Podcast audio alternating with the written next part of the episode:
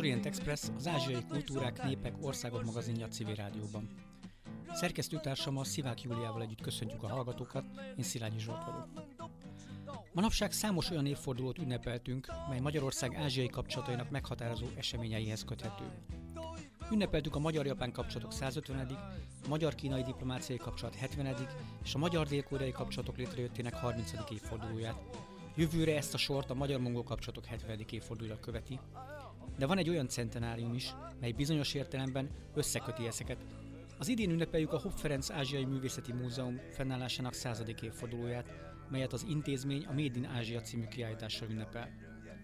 Mai vendégünk Fajcsák Györgyi sinológus, művészettörténész, a múzeum igazgatója, akivel a kiállításról, a múzeum történetéről fogunk beszélgetni, és arra is kíváncsiak vagyunk, hogy milyen a fogadtatása, ismertsége Magyarországon az ázsiai művészetnek.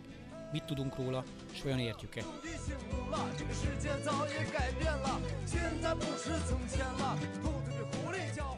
Kedves Györgyi, üdvözöljük a stúdióban, és köszönjük, hogy elfogadta meghívásunkat.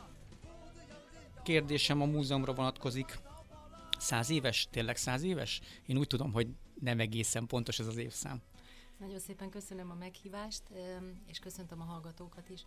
Valójában a múzeum az száz évvel ezelőtt jött létre, akkor lett egy állami intézmény, de valójában magának a múzeumnak a története az sokkal régebbre nyúlik vissza. Két okból is. Az egyik ok az, az hogy Hopp Ferenc, aki 1919-ben hunyt el, 1880-as évektől kezdve járta a világot, kifejezetten azzal a céllal, hogy vásároljon is tárgyakat, hiszen fiatalon ő nagyon sok felé megfordult, viszont 1882-83-ban indult el az első olyan világkörüli útjára, amiről jelentős mennyiségű akkor emléktárgynak mondott kúriót vagy szuvenírt hozott haza. Az ő gyűjteménye lényegében az 1880-as évektől kezdve az Andrási úti villában kapott elhelyezést, ilyen módon mind a lokációja, mind a története a múzeumnak jócskán korábbra nyúlik vissza.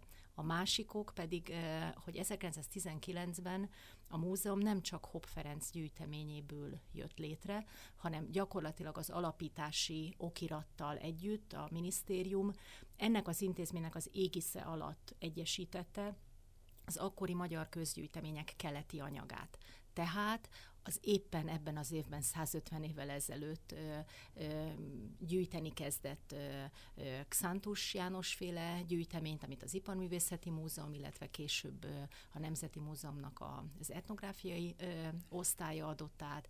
Ugyanennek az intézménynek az égisze alá került a Vajpéter gyűjtemény, amit a Szépművészeti Múzeum számára gyűjtöttek közgyűjteményi gyűjtés a 20. század első évtizedének végéről, és ennek az intézménynek a gyűjteményeibe került Zicsi Jenő ázsiai expedíciójának anyaga is. Ilyen módon gyakorlatilag 1919-től kezdve Hopp gyűjteményén kívül sok egyéb magyar közgyűjteményi ázsiai anyagot is az intézmény rögtön a saját gyűjteményeiben tudhatott. Tehát nyilván nem csökkentve a hopp érdemeit, azért azt mondhatjuk, hogy sokkal bővebb volt a gyűjtemény, mert az első perctől kezdve, mint amennyit mondjuk neki köszönhetünk. Így van, semmiképpen sem ö, szeretném csökkenteni az ő ö, érdemeit, de nyilván egy teljesen más látásmóddal gyűjt egy ö, ö, igen gazdag, tehetős ö, polgár, mint állami megbízásból mondjuk Ázsia művészetét jobban ismerő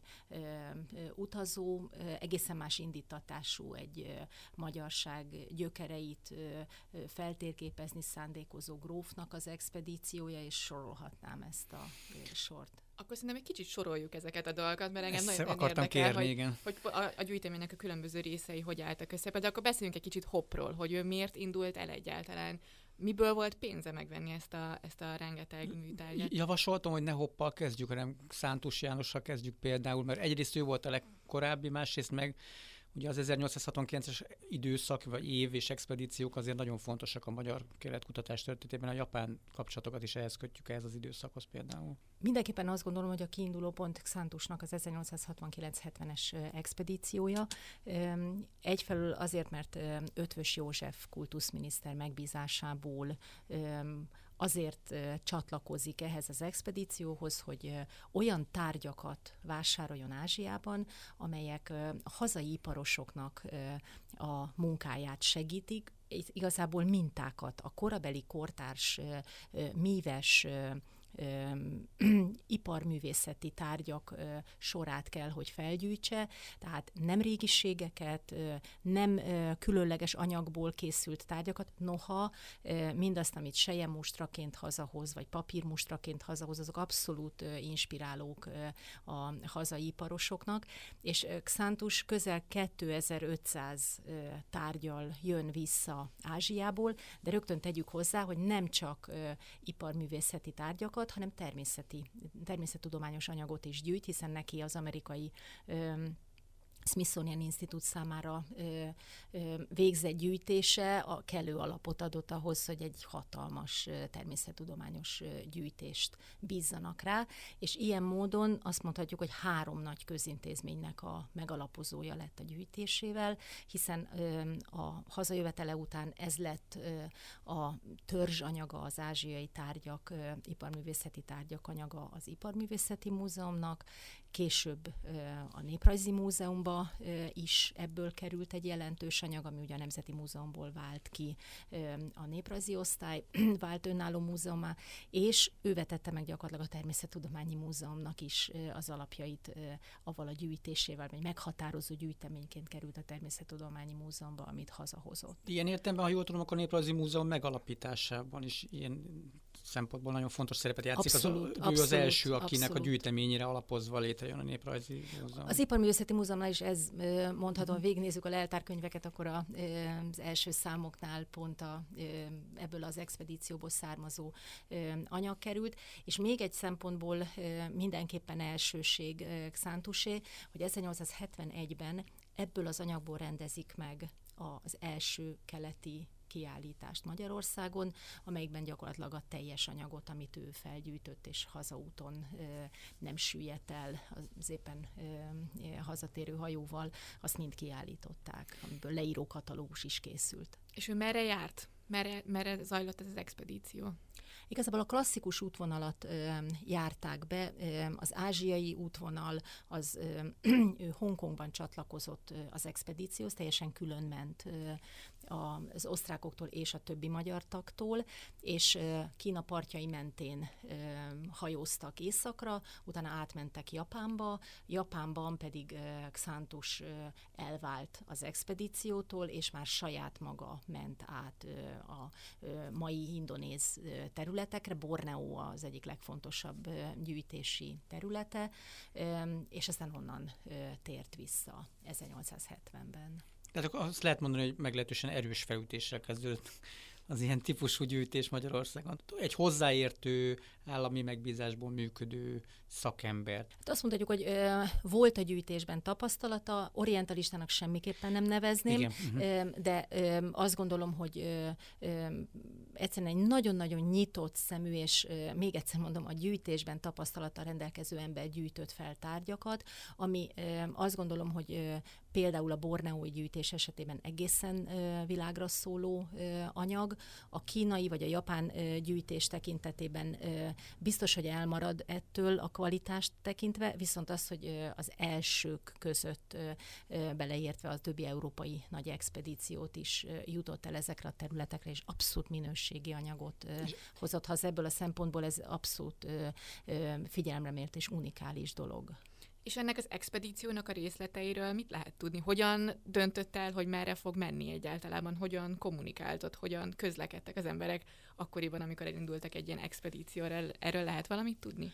Igazából egy kicsit megtévesztve ez a szó, hogy expedíció, mert hogy gyakorlatilag a kereskedelmi és diplomáciai kapcsolatfelvétel volt az elsődleges célja, ami meghatározta, hogy uh, hol kell a jegyzéket átadni, uh, kikkel kell találkozni, uh, illetve milyen egyezményt kell aláírni. Ehhez kötjük egyébként mint a japán-magyar diplomáciai kapcsolatok felvételét, hiszen ez a kereskedelmi céllal elküldött expedíció vitte magával ezt az előkészített egyezményt. Az, hogy ennek a mellékvizén Ötvös József megbízza Szántust, az egy egészen más típusú történet, nem szokványos, hogy ezek az expedíciók ilyen feladatot is kapnak, felvállalnak, viszont az, hogy erre volt akkor szem, gondolat, elszállás, ez mindenképpen példaértékű, mert bár ma tartanánk ott, hogy ilyen módon merünk dönteni ezekben a kérdésekben. Erre majd visszatérünk, mert az érdekel engem, hogy ma hol tartunk ezzel kapcsolatban, de mondjuk most beszéljünk például Vaj Péterről, akinek a nevéhez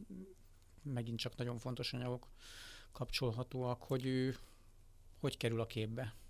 Vaj Péter a klasszikus római katolikus egyházi hierarchiában egy nagyon képzett, diplomatának képzett pap volt, akit a pápa hihetetlen nyelvtudása okán nemzetközi diplomáciai kapcsolatokkal bízott meg, és ő igazán fiatal korától kezdve érdeklődött a művészeti alkotások iránt, maga is gyűjtött keleti tárgyakat, de nagyon szívesen vállalkozott arra, arra hogy az utazásai során, kifejezetten a távol-keleti missziók látogatása során egy az állam számára, a Szépművészeti Múzeum számára vásárolt gyűjteményt rakjon össze, és mint hogy megvoltak a kapcsolatai, nem először tért vissza távol-keletre, értem ez alatt Kóreát, Koreát, Kínát, Japánt, tehát nem kizárólag Japánban járt.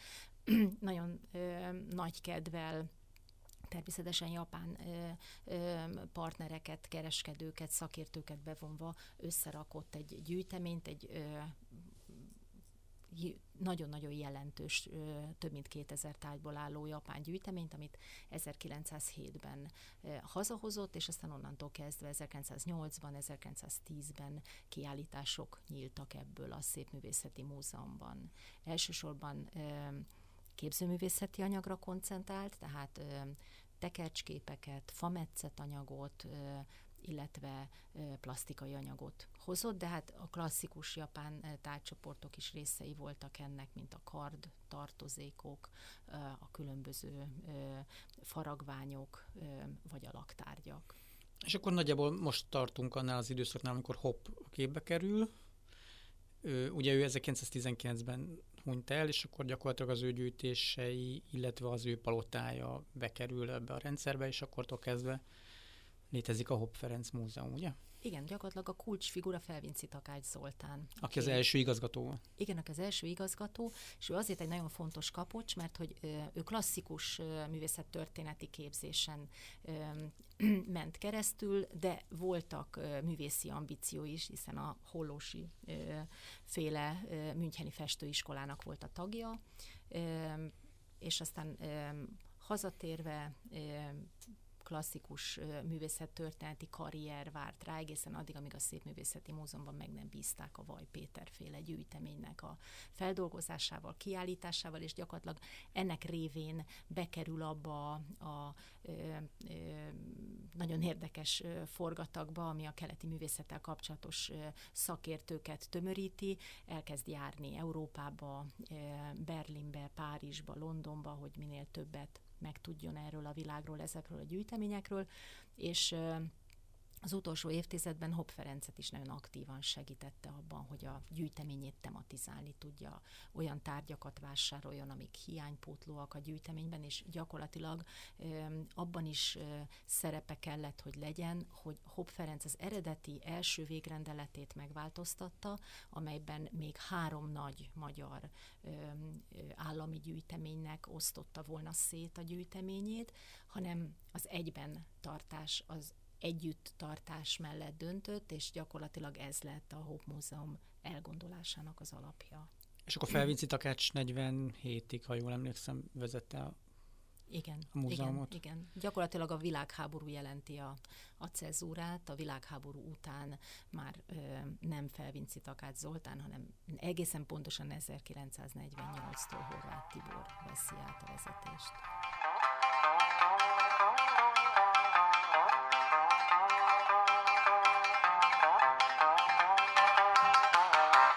Thank you.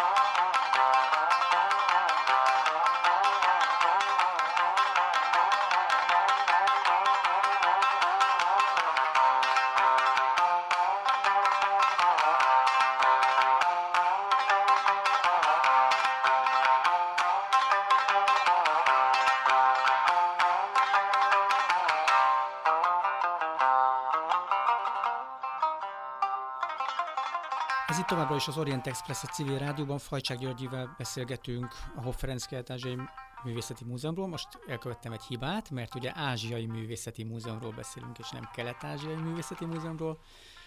Ezt később akarta feltenni ezt a kérdést, de akkor most teszem föl, hogy miért került ki négy vagy öt évvel ezelőtt a kelet szó a, a múzeum nevéből? Hopp Ferenc, amikor e, meghal és a múzeumot létrehozzák, akkor a gyűjtemények súlypontja okán ezt kelet-ázsiai múzeumnak hívják, hiszen mind Hopp, mind a e, Ázsiában megfordult magyar e, utazók, e, e, gyűjtők alapvetően távol-keleti anyagot, illetve dél-ázsiai anyagot, indiai, dél-kelet-ázsiai anyagot gyűjtöttek, azonban az 1950-es évektől kezdve külön gyűjteményi egységként a Hope Múzeum a közel-keleti anyag gyűjtését is felvállalta, és a mai gyűjteményi struktúránkat figyelembe véve mindenképpen pontosabb megjelölés az Ázsiai Művészeti Múzeum, hiszen a gyűjtőköre országos szakmúzeumként az egész ázsiai kontinensre kiterjed, távol-kelettől a közel-keletig. És még napjainkban is kerülnek be új tárgyak a múzeumba, vagy most is folytat gyűjtő tevékenységet a múzeum? Vagy elsősorban az eddig meglévő anyagoknak a feldolgozása? Alapvetően a múzeumnak az egyik legfontosabb feladata a gyűjteményezés, úgyhogy ma is a munkánknak az egyik legmeghatározóbb szegmense. Ezt nagyon nehéz elképzelni, hiszen nem feltétlenül abból áll a vásárlás, a gyűjteményezés, hogy elindulunk és elődeinkhez hasonlóan terepen vásárolhatunk. Ez ma a jóval ritkább és esetlegesebb. Magyarországon a hagyatékoknak a felvásárlásával, illetve a hozzánk kerülő, vagy a látóterünkbe kerülő tárgyaknak a megvásárlásával ö, ö, foglalkozunk.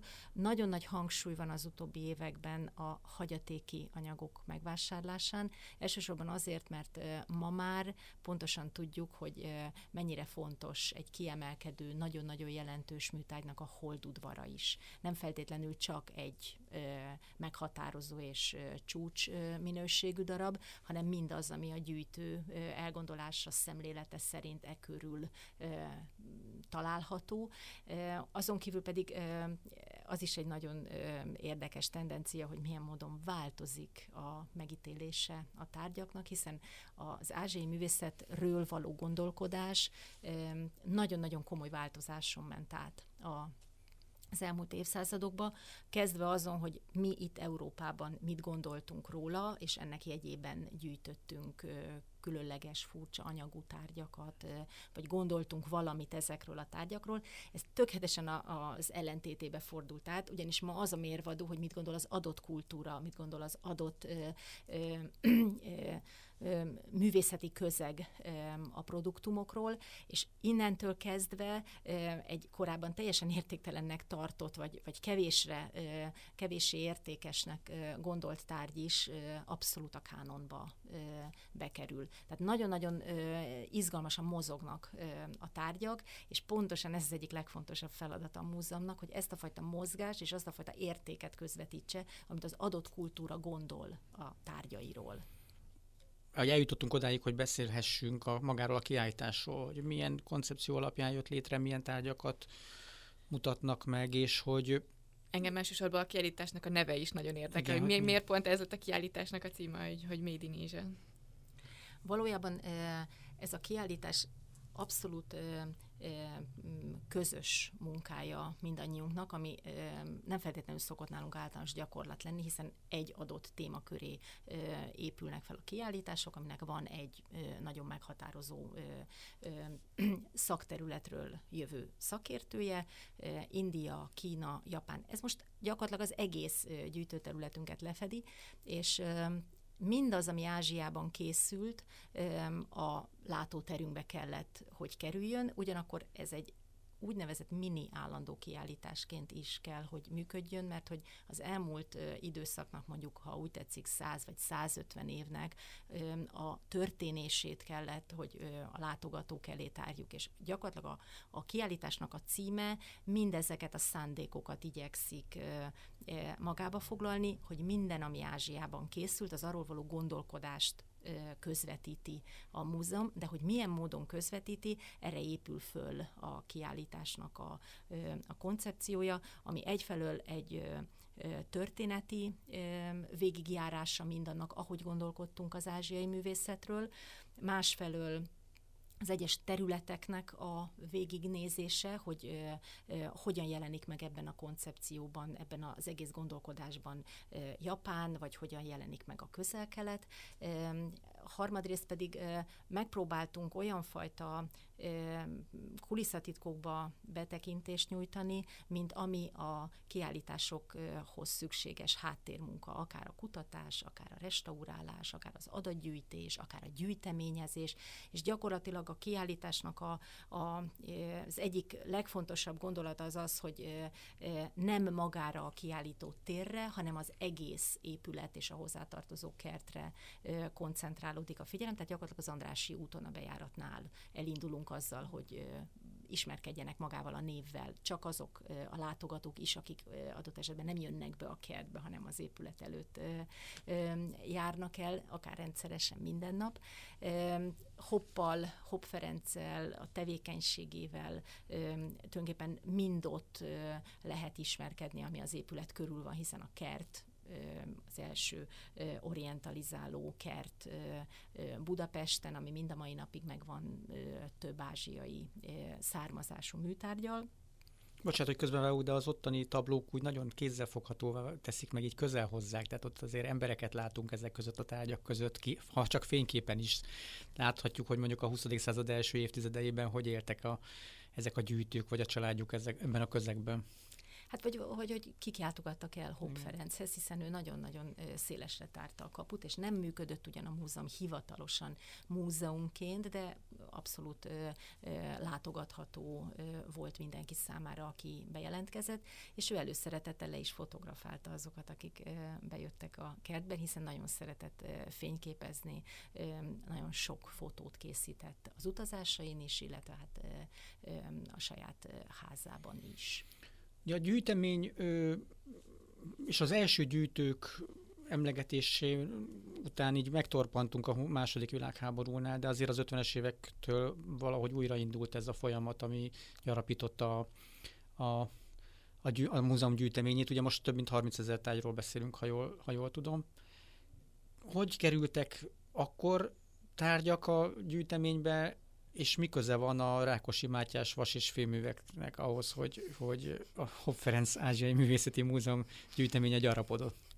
Az 50-es években meglehetősen sok ö, ö, anomália ö, gyarapította a gyűjteményt. Ö, ugye Horváth Tibor régész került a múzeum élére igazgatónak, aki hosszú évekig Japánban időzött, ő egy ösztöndíjjal került Japánba, és ilyen módon japanistává képezték ki a második világháború után tért Magyarországra csak vissza, és az ő szakmai hozzáértése, hozzáállása egy egészen újfajta múzeumi működést indított el. Egyfelől orientalisták kerültek a múzeumba, sinológusok, indológusok, akik elkezdték a szakmai feldolgozását a gyűjteményeknek, tehát egy személyes múzeumból egy szakmai múzeummá változott az intézmény.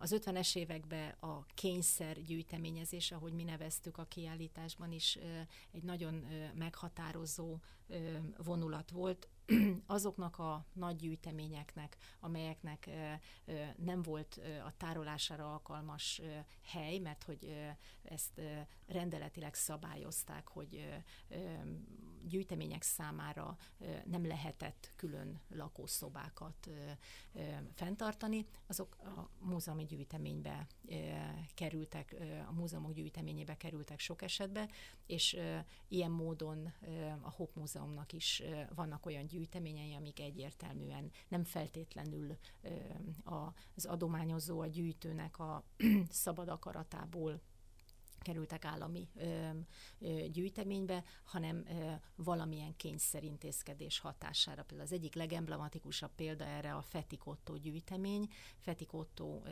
akinek ö, nem voltak ö, örökösei, abban a ö, formában tarthatta maga körül a gyűjteményét, és itt ö, ö, a 20. század egyik legjelentősebb iparművészeti gyűjteményéről beszélünk, aminek egy nagyon pici szelete kelet, a legnagyobb része az ö, ö, kerámia, ö, üveg, ö, illetve ö, egyéb iparművészeti anyag. Abban az értelemben, abban a ö, formában tarthatta maga mellett a gyűjteményét, hogy felajánlotta az államnak halála után. Ö, ö, viszont nyilván ez igen meggyorsította azt a folyamatot, ami a halálához vezetett, hiszen pontosan tudta, hogy a halála bekövetkeztekor ennek a gyűjteménynek egy egészen másfajta életútja lesz, és én nem feltétlenül gondolom azt, hogy a gyűjtők óckodnak a múzeumba kerüléstől, mert hogy valamilyen módon ez az ő életük meghosszabbítása a legtöbb esetben, és ezért próbálják meg elérni a gyűjtők azt, hogy állami gyűjteménybe kerüljenek a darabjaik. Ez az ő utóéletük vagy továbbélésüknek egy lehetősége, de ez nem feltétlenül minden esetben volt azért az 50-es években egy ilyen nagyon egyértelmű és belülről fakadó szándék. Úgyhogy az 50-es években ez egy nagyon meghatározó vonulat volt a gyarapodásban, a másik pedig az úgynevezett állami ajándékoknak a sorozata, ami egy egészen új vonulat, az ázsiai országok önreprezentációs céllal elhoznak a világba nagy kiállításokat, amiket nem visznek vissza, hanem valamilyen rendszer, valamilyen kvóta alapján szétosztanak a különböző európai múzeumokba és ezáltal a saját kultúrájukat ö, igyekeznek ö, bemutathatóvá tenni. Viszont az már egy nagyon érdekes kérdés, hogy melyik ö, ö, ország, melyik kultúra milyen módon akarja magát reprezentálni ezekben a ö, ö, távoli országokban, mert addig, amíg Kína például abszolút a 1949-ben megalakult Mao vezette új Kínát, az új embert akarja bemutatni a tárgyakon keresztül, szinte alig hoz olyan tárgyat, ami a hagyományos művességeknek a körébe tartozik. Korea vagy dél-kelet-ázsiai államai pedig pont a történeti múltjuknak a végtelen távlatát akarják érzékeltetni, hogy régi, régi, régi, régi tárgyat, vagy azoknak a másolatait adják állami ajándékként a múzeumoknak. Ez abszolút ilyen identitás kérdés. Ugye a koreaiak abszolút. azt mondják, hogy a fél tízezer éves történetükről beszélnek, és nem ötezer évről, mert jobban hangzik a fél tízezer év a kínaiak másképp fogalmaznak. Abszolút, Más... ebből nagyon sok mindent lehet ja. arra vonatkozóan ö, ö, következtetni, hogy ki mit gondol ö, a saját ö, geopolitikai helyzetéről, mit gondol a ö, saját múltjáról, történelméről.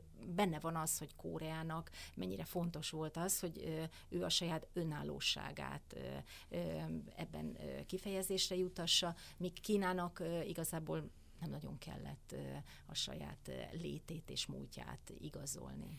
És akkor visszatérve egy a kiállításra, egyrészt akkor korszakonként is külön meg van határozva, hogy mit mutatnak meg, és meg van határozva mondjuk nyilván területenként is. Tehát ugye japán gyűjtések, kínai gyűjtések, koreai gyűjtések, stb. stb. Ha valaki végig a kiállításon, akkor az első részében gyakorlatilag a múzeum alapítása előtt Magyarországra került keleti anyagot láthatja. Az első nagy egység az a múzeum két világháború közötti anyagát mutatja területi elrendezésben, a második, a harmadik nagy egység Horváth Tibor igazgatósága alatti tárgyarapodást mutatja megint területi egységenként, aztán az állami ajándékoknak a sora következik, és a kiállításnak a lezárása az egy teljesen önálló egység, igazából mi a 90-es évektől induló kutatásokhoz kapcsoltuk, de ez a múzeumnak a kezdetektől kezdve az egyik legreprezentatívabb gyűjtemény a buddhista anyag amelyik mindig is kiemelt jelentőségű volt kezdve onnan, hogy Okakura Kakuzo, japán teoretikus, Ázsia kultúráinak a nagy összefoglaló vonulatát a buddhizmusban jelölte meg, amelyik mindegyik kultúrában jelen van, ugyanakkor mindegyikben kellően különbözik ahhoz, hogy valamilyen sajátos vonást ebből meg lehessen érezni, meg lehessen látni, és ezt Felvinci Takács Zoltán viszonylag korán átveszi, ennek jegyében gyűjteményez, vásárol, és gyakorlatilag azzal, hogy egy nagyon-nagyon hosszú évtizedig tartó hallgatás a szakrális művészetet tökéletesen háttérbe szorította, és láthatatlanként kezelte, tökéletesen alkalmas volt a 90-es évek arra, hogy akkor elevenítsük újra fel, elő. és uh-huh. vegyük uh-huh. elő, hiszen a szakralitás az egy alapvető vonása az ázsiai művészeteknek, szinte kivétel nélkül mindegyiknek, függetlenül attól, hogy a buddhizmusról beszélünk, vagy valami más vallásról, és a buddhizmus, a buddhista gyűjtemények pedig eleve adták magukat, hogy gyakorlatilag minden nagy kultúrából ö, mutassuk be a legjellegzetesebb alkotásait, és így indult el a 90-es évek elejétől az a buddhista kiállítás folyam, amelyik a buddhizmusnak a nagy ágai mentén a kínai, a japán, a dél-kelet-ázsiai vagy a belső-ázsiai anyagokat a látogatók elé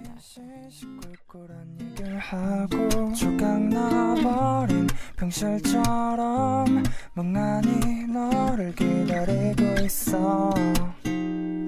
그렇게도 자주 하고 슬플 걸 알면서도 내가 널 구하러 와주길 다정한 목소리로 참 잘했다고 행복하게 잘 지내라며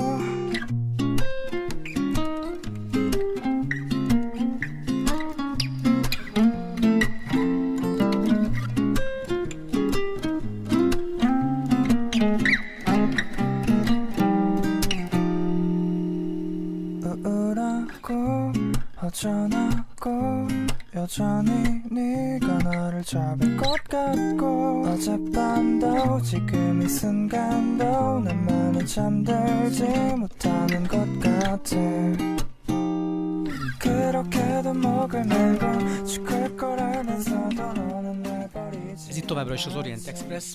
Falcsák Györgyivel beszélgetünk a Hopp Ferenc Ázsiai Művészeti Múzeumról, illetve a Made Ázsia kiállításról, amelyik a múzeum centenáriumára jött létre.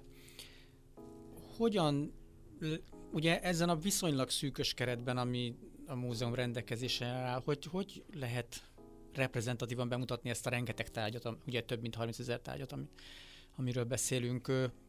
Fog ez változni valamennyire ez a kiállítás, vagy ez tényleg egy ilyen állandó kiállítás, ami most megjelent, megjelent látható jövő Augusztus augusztusig, végéig. igen vagy pedig lesz valami változtatás is esetleg benne? Éppen a hatalmas mennyiségű bemutatandó anyag miatt negyed évente váltjuk a kiállításnak az anyagát, nem a teljes kiállítást, de a nagyon sérülékeny anyagú tárgyakat, a textileket, a papírokat, a lakokat, azokat cseréljük negyedévente. Ilyen módon a kiállításnak bizonyos tematikai egységei azok négy részből épülnek föl, tehát negyed évente a látogató új és új szeletével ismerkedik meg mondjuk a japán fametszeteknek és a japán festészetnek. Úgyhogy jövő év augusztus végéig negyedéves váltásban lehet újra és újra mást látni. Milyen értéket képviselnek ezek a tárgyak, amiket látunk a tár- tárlóban? Ugye manapság, ha az ember felmegy az internetre, azt látja, hogy egy minkori vázát eladnak milliárdokért.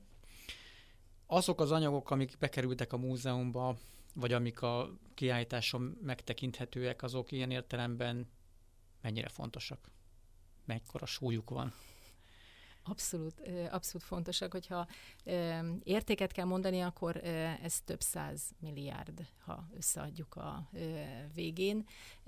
Viszont nem biztos, hogy mindig ki lehet fejezni az értékét, mert hogy pontosan az a legfőbb sajátossága a tárgyaknak, hogy valamiből abszolút egy van, egyedi. Nem is azért kérdezem, mintha ez a legfontosabb értékmérője lenne, csak egyszerűen tudjuk, hogy ilyen értelemben is egy nagyon meghatározó gyűjteményről nagyon, nagyon fontos kérdés egyébként, mert pont a műtárgypiacnak a mozgása mutatja, hogy az elmúlt évek mennyire az ázsiai művészetek felé tolódott el a műtárgy áraknak a súlypontja, és ma egy távol-keleti tekercsképnek a, az ára az vetekszik bármilyen nyugati festészeti darabéval. De ez minek köszönhető vajon, hogy az ázsiai művészeti tárgyaknak az értéke ennyire felment az utóbbi időben?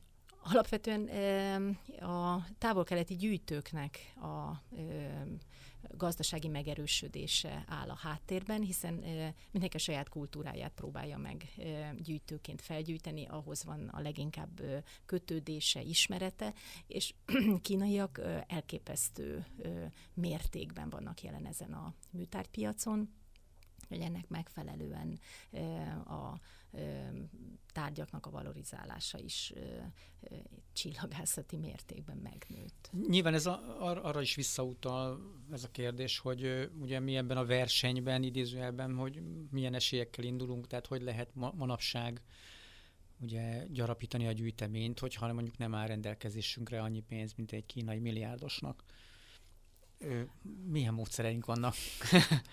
hogy sikerül? Ez egy nagyon, nagyon nehéz és év, évről évre visszatérő kérdés.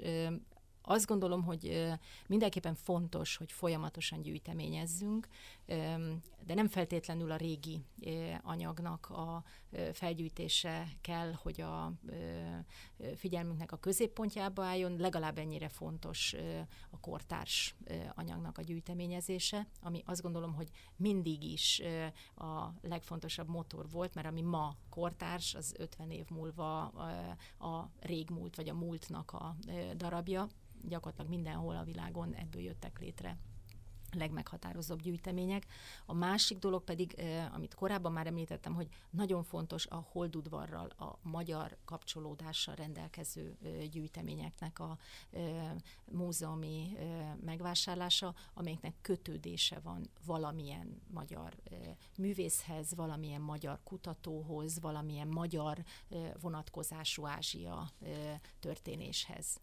Rálátásunk nagyon sok mindenre van, gyűjteményezni nagyon sok mindent nem gyűjteményezhetünk. Pont Mongóliának van az egyik legkeményebb műtárgy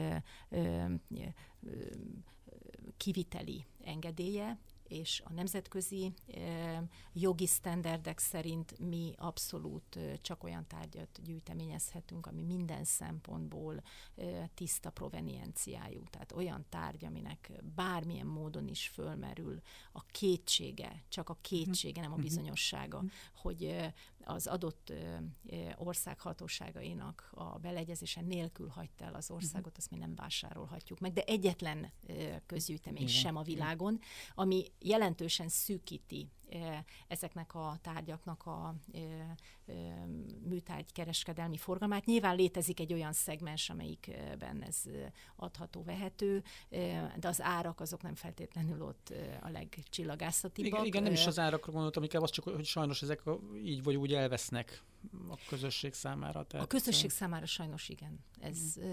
abszolút így van, és a szabályok azok ezeknek az országoknak esetében csak szigorodnak, ami egyre biztosabbá teszi, hogy ezek közgyűjtemények számára biztos, hogy elérhetetlen darabok lesznek.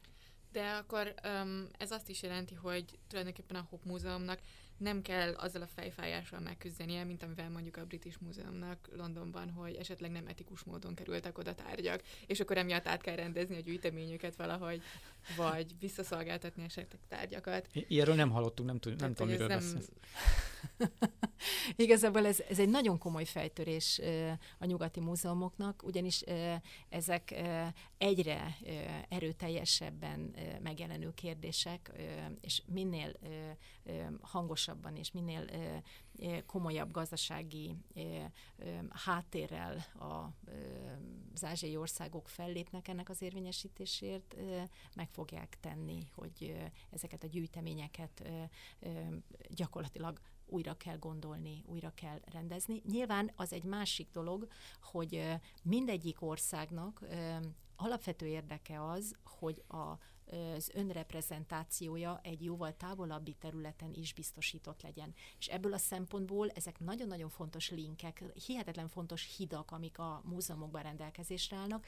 Nyilván ennek a nagyon-nagyon finom kisúlyozása az számos tényezőtől befolyásoltatik. Két héttel ezelőtt jöttem az a Dunhuangból, ahol hát amiből óriási hype-ot csináltak. Bocsánat, hogy ilyen szót használok a kínaiak, Ö, azért használom ezt, mert mindenféle modern eszközzel megpróbálják azt bizonyítani, hogy a Dunhuangi ezer Buddha barlang templomok milyen jelentős ö, kulturális értéket képviselnek, amivel abszolút egyet is értünk, de például ugye nekem magyarként hát ilyen kicsit furcsa ott azt hallgatni, hogy Steinről mit mondanak és hogy mondják, és hogy mikor említik magyarként, és mikor említik például brit kutatóként, és nem feltétlenül nagyon pozitív kontextusban vagy felhanggal. Ugye ő ott volt a 20. 20. század legelején, nagyon sok mindent talált, ő találta meg igazából, és hát a British Múzeumban került sok minden, amit nem biztos, hogy a kínaiak annak nagyon örülnek. Nyilván pont Tunhuan kapcsán lehet azt nyomon követni, hogy egy digitális adatbázissal gyakorlatilag egyesíteni próbálják a legalább tíz különböző helyszínen szétszórt Tunhuang anyagot. Én azt gondolom, mi magyarok ebből a magyar kapcsolódásokat, akár Lóci Lajost, akár Stein Aurélt, akár Miklós Pált ki kell, hogy emeljük, mert mindenképpen van ennek nagyon komoly tudományos hozadéka, és pont azon dolgozunk, hogy például egy nagy Tunhuan kiállítást csináljunk, ahol pont ezeket a fajta pozitívumokat próbáljuk meg kiemelni, nyilván annak nem elhallgatásával, hogy ez mondjuk kínai-angol relációban egyáltalán problémamentes kérdés.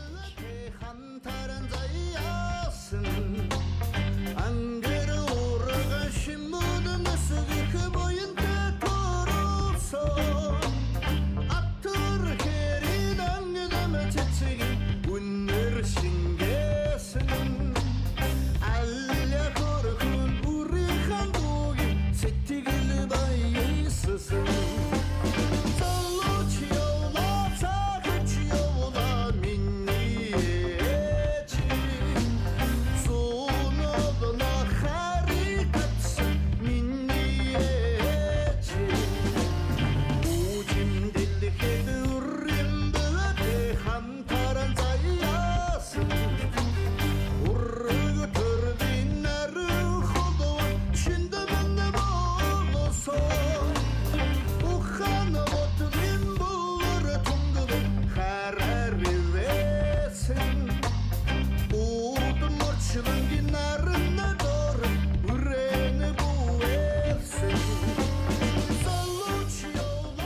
Továbbra is az Orient Express, Fajcsák Györgyivel, a Hopp Ferenc Ázsiai Művészeti Múzeum igazgatójával beszélgetünk a múzeum centenáriumáról, az ázsiai művészetekről, hogy arról, hogy hogyan és mit lehet gyűjteni, illetve felteszem azt a kérdést, hogy hogy sikerül Magyarországon reprezentálni ezeket a, ezeket a művészeti területeket, ezeket az országokat, mit szólnak hozzá a magyarok, van-e van ezzel kapcsolatban visszajelzés?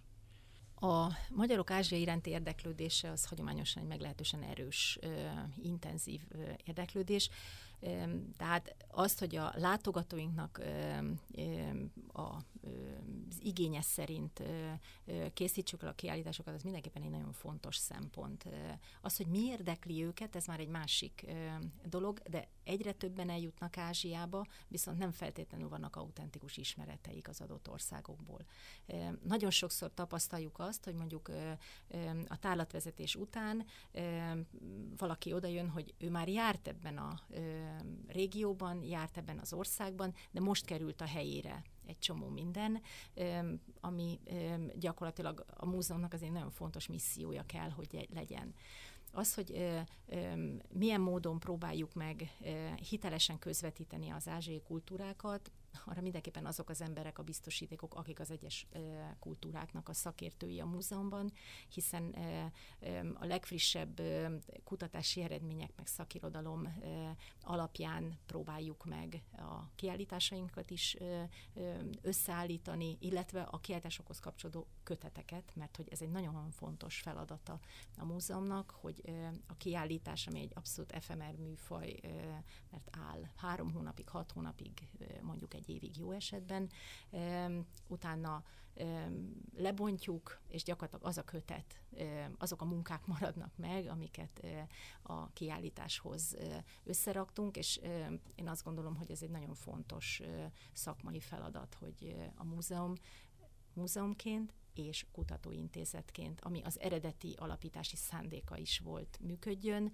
és ezeket az ismereteket abszolút a szakmának és a közönségnek is továbbadja. Ugye akkor az egyszemélyes múzeumból, ami a száz évvel ezelőtt indult, lett egy olyan múzeum, ami egy kutatóhely is. Hol mennyien vannak most? 15-en. Ebbe a 15 emberbe beletartoznak a restaurátoraink uh-huh. is, illetve azok a kollégák, akik ennek a közönséghez való eljutatását biztosítják, tehát a múzeumpedagógus, a közönségkapcsolati munkatárs, illetve nagyon fontosnak tartom azt a fajta kapcsolati hálóépítést, ami azokkal a szakemberekkel történik, akik egy adott területhez kapcsolhatók, hiszen a sinológusok, vagy a japonisták közül is, vagy az indológusok közül is mindig jóval többen dolgoznak egy adott projekten, mint maga a múzeumhoz közvetlenül hozzárendelt szakember, és igazából ebből a szempontból nekünk nagyon fontos és általam abszolút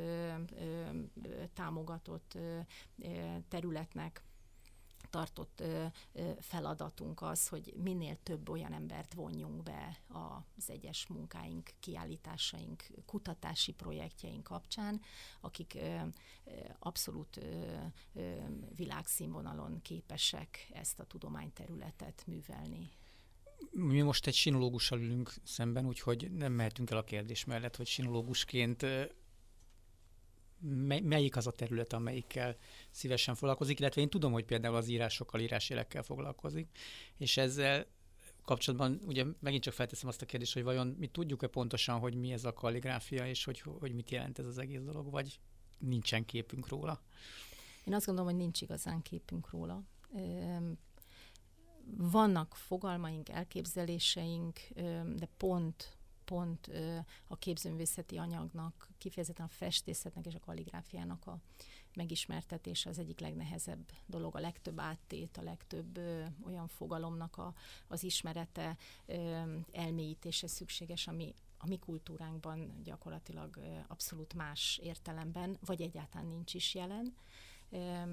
Az, hogy az ember mivel foglalkozik, vagy, vagy mi az, amivel a múzeumi munkája összekapcsolja, az nagyon sok esetben a saját szándékaitól eltér, hiszen a múzeumban nagyon sok olyan feladat is van, amit nem feltétlenül kutatóként jelöl neki magának az ember, de a festészet és a festészeti anyag az mindenképpen egy ilyen nagyon-nagyon fontos kutatási terület, illetve sinológusként most már második évtizede a Magyarországon föllelt kínai vonatkozású anyagoknak a kutatásával foglalkozom, ami mondjuk a megjelent könyvek szempontjából talán leginkább Eszterházához kötődik, ahol kínai lakmunkák, vagy nagyon nagy méretű kék-fehér sinuázeri falfestmények találhatók, és ez egy igen izgalmas és egészen unikális,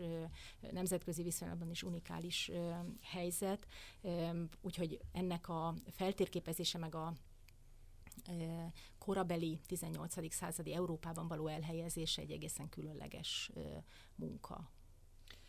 Akkor most tulajdonképpen eléggé jól körüljártuk ebben az elmúlt hát 40 percben körülbelül, hogy a múzeumnak az eddigi száz éve az hogy zajlott meg, meg milyen dolgok történtek. Mik a tervek az elkövetkezendő száz évre?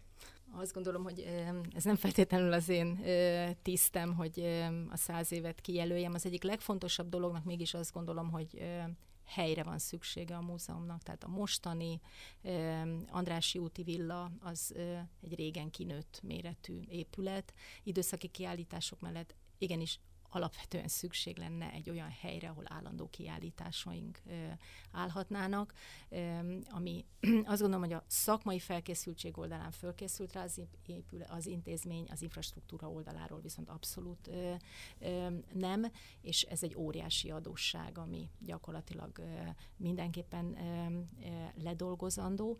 A ö, tudományos munka alapvetően arra kell, hogy épüljön, hogy az alapkutatásokat a múzeum összes gyűjteményében ö, végig tudjuk vinni. Ö, ebben vannak ö, nagyon komoly ö, hiányok. Ö, azon dolgozunk, hogy ezeket ledolgozzuk, és hogyha sikerülne egy ilyenfajta Andrási úti működést és egy másik helyszínen egy nagy Ázsia múzeumot fölépíteni és ezt működtetni, akkor azt gondolom, hogy ez nagyon komoly muníciót adna mindazoknak, akik kapcsolatba kerülnek Ázsiával, és mi gyakorlatilag nem tudok olyan területet mondani, ahol nem kerülnek Ázsiával kapcsolatba szakemberek. Volt arról szó, hogy ugye kortársokat is gyűjtenek, és mennyire intenzív ez? Az elmúlt években, az elmúlt évtizedben ez egy nagyon fontos törekvés volt, hogy úgy állítsuk ki a saját tárgyainkat, hogy annak abszolút legyen egy kortárs kötődése. Mozzártuk be az indiai kiállításunkat, mhm. aminek abszolút volt egy modern indiai vizualitás felé való ö, határozott kitekintése, de volt olyan kiállításunk, ahol ö, magyar ö, képzőművésznek a ö, ö, ö, alkotásai voltak benne, vagy magyar iparművészeknek a japán ihletésű ö, ékszerei. Tehát nagyon-nagyon sokféleképpen próbálunk ehhez a ö, modernitáshoz és a kortárs művészethez ö, kapcsolódni mind a gyűjtésben prioritás kéne, hogy legyen, mind pedig a bemutatásban, hiszen ez a mai kornak a vizuális nyelve, és ezen való beszédet kell megtanítani mindenképpen, még akkor is, hogyha az ázsiai kultúrák alapvetően egy nagyon-nagyon erősen a hagyományban gyökerező nyelvet beszélnek a kortárs műveikenben is, viszont akkor lehet a kortárs műveket érteni, hogyha ezt a hagyományos nyelvet értjük. Tehát ennek a kettőnek a párosítása, egymás mellé helyezése, az pont ezeknek a kultúráknak a autentikus megértését segíti. Az ázsiai partnerek, gondolok itt múzeumokra, kutatóhelyekre, segítenek ebben? Tehát van, van ilyen fajta interakció mondjuk a HOP Múzeum és ázsiai partnerek között, vagy? Van, abszolút. Igazából én most azt látom, hogy a, a látványosabb interakcióknak már csak a hely a hely hiánya uh-huh. a legfőbb mhm. akadályozója. Az együttműködés szintjén ez abszolút működik, sőt az elmúlt öt évben már külföldre is viszünk rendszeresen kiállításokat. Tehát mi ott vagyunk külföldön, a külföldi gyűjteményeknek a magyarországi bemutathatósága az, ami én szerintem jóval intenzívebb kellene, hogy legyen, és nyilván mi vagyunk azok a szakemberek, akik ennek a magyarországi bemutatásában segíthetünk, tehát ez az intézmény lenne a befogadó intézmény elsődlegesen, és itt egy kicsit tágabb értelemben is gondolkodnék az ázsiai művészetekről, hiszen az előadó művészetek például abszolút ide tartoznak, aminek viszont rengeteg olyan vizuális eleme van, ami megint csak nem érthető, hogyha nincsen egy háttér. És ez az intézmény, az Ázsiai Művészeti Múzeum, az tökéletes lehetne mindezeknek a mediálására, mindezeknek a hazai megismertetésére, de hát megint csak úgy, hogyha ezt egy intézménybe integrálva uh-huh. lehet megtenni, hiszen ha ott van egy színpad, ott van egy előadótér, ott van egy kiállítótér, akkor abszolút összekapcsolódik mindenki számára a különböző ágakról jövő információ, és, és nagyon-nagyon szépen lehetne kibontani ezeknek a ö, továbbadását. És tudjuk, hogy milyen érték van a kezünkben? Tehát mondjuk azt arra gondolok, hogy ilyen múzeumpedagógiai programokban részt venni, vesznek elegen, mennek, érdeklődnek, tudják, hogy ilyen lehetőségek vannak? Azt gondolom, hogy ö, érdeklődnek. A fő problémánk az az, hogy sokkal többre lenne igény. Tehát mondjuk az, hogy ö, egy egyszerű példát mondok, ö, van egy tárlatvezetés, arra 30 ember tud bemenni, mert különben nem a fér. térben nem fér el fizikailag. Ugyanakkor legalább százan jelentkeznek nem tudok mit csinálni, indítok két ö, alkalmat, de még akkor is csak 60-an látták, Igen. és százra volt igény. Tehát igazából ez az egészet hihetetlenül föl lehetne pergetni, ö, de ennek a megteremtése nyilván nem a mi ö, szintünk ö, hát Ez már infrastruktúrális kérdés. Ez abszolút, abszolút infrastruktúrális kérdés, azon kívül azt is tudomásul kell venni, hogy van egy 150 éves épület a maga adottságaival, ami egy polgári villa az Andrási úton, ennek a múzeumi funkcióban való működtetése elő előadótér, nagy múzeum, pedagógiai foglalkoztató, közvetlen víz hozzáféréssel, az adott esetben egy olyan fajta újra gondolása a tereknek, ami jelen pillanatban nem áll rendelkezésre. Dolgozzunk rajta, hogy rendelkezésre álljon, és remélem, hogy egyszer meg is születik. Én mindig optimista vagyok, de ugyanakkor türelmetlen is, hogy minél előbb ez meglegyen. Hát most ennek a beszélgetésnek a végére értünk, ez jó végszó, hogy legyünk optimisták. Ugye a muníció az megvan, most már csak a, meg kell teremteni a lehetőségeket, hogy ezt így mindenki számára elérhetővé tegyük. Nagyon köszönjük Fajcsák Györgynek, hogy elfogadta meghívásunkat, és köszönjük a hallgatóknak a figyelmet. Önök az Orient Express-t, a Civil Rádió ázsiai magazinját hallották, a műsort Szivák Júlia és Szilágyi Zsolt vezette. Tartsanak velünk a jövő héten is. Felhívjuk figyelmüket, hogy az Orient Express adásait podcast formájában is elérhetik az interneten. A címünk expressorient.blog.hu. Emellett Orient Express néven ott vagyunk a Soundcloudon, az iTunes-on és az egyéb podcast alkalmazásokban is. A Facebookon pedig a Modern Kelet-Ázsia kutatócsoport oldalán találhatják meg az adások készítőit. A viszontlátásra, viszont hallásra.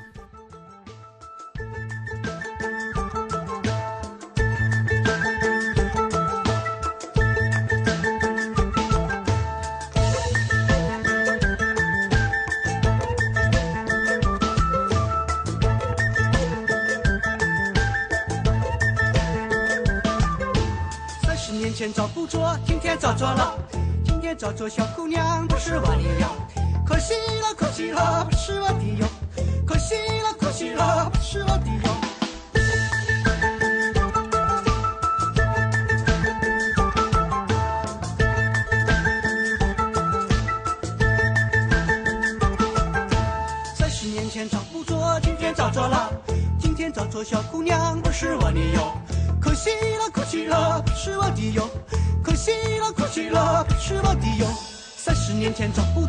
天找错了，今天找错小阿妹，不是我女友。可惜了，可惜了，不是我的哟。可惜了，可惜了，不是我的哟。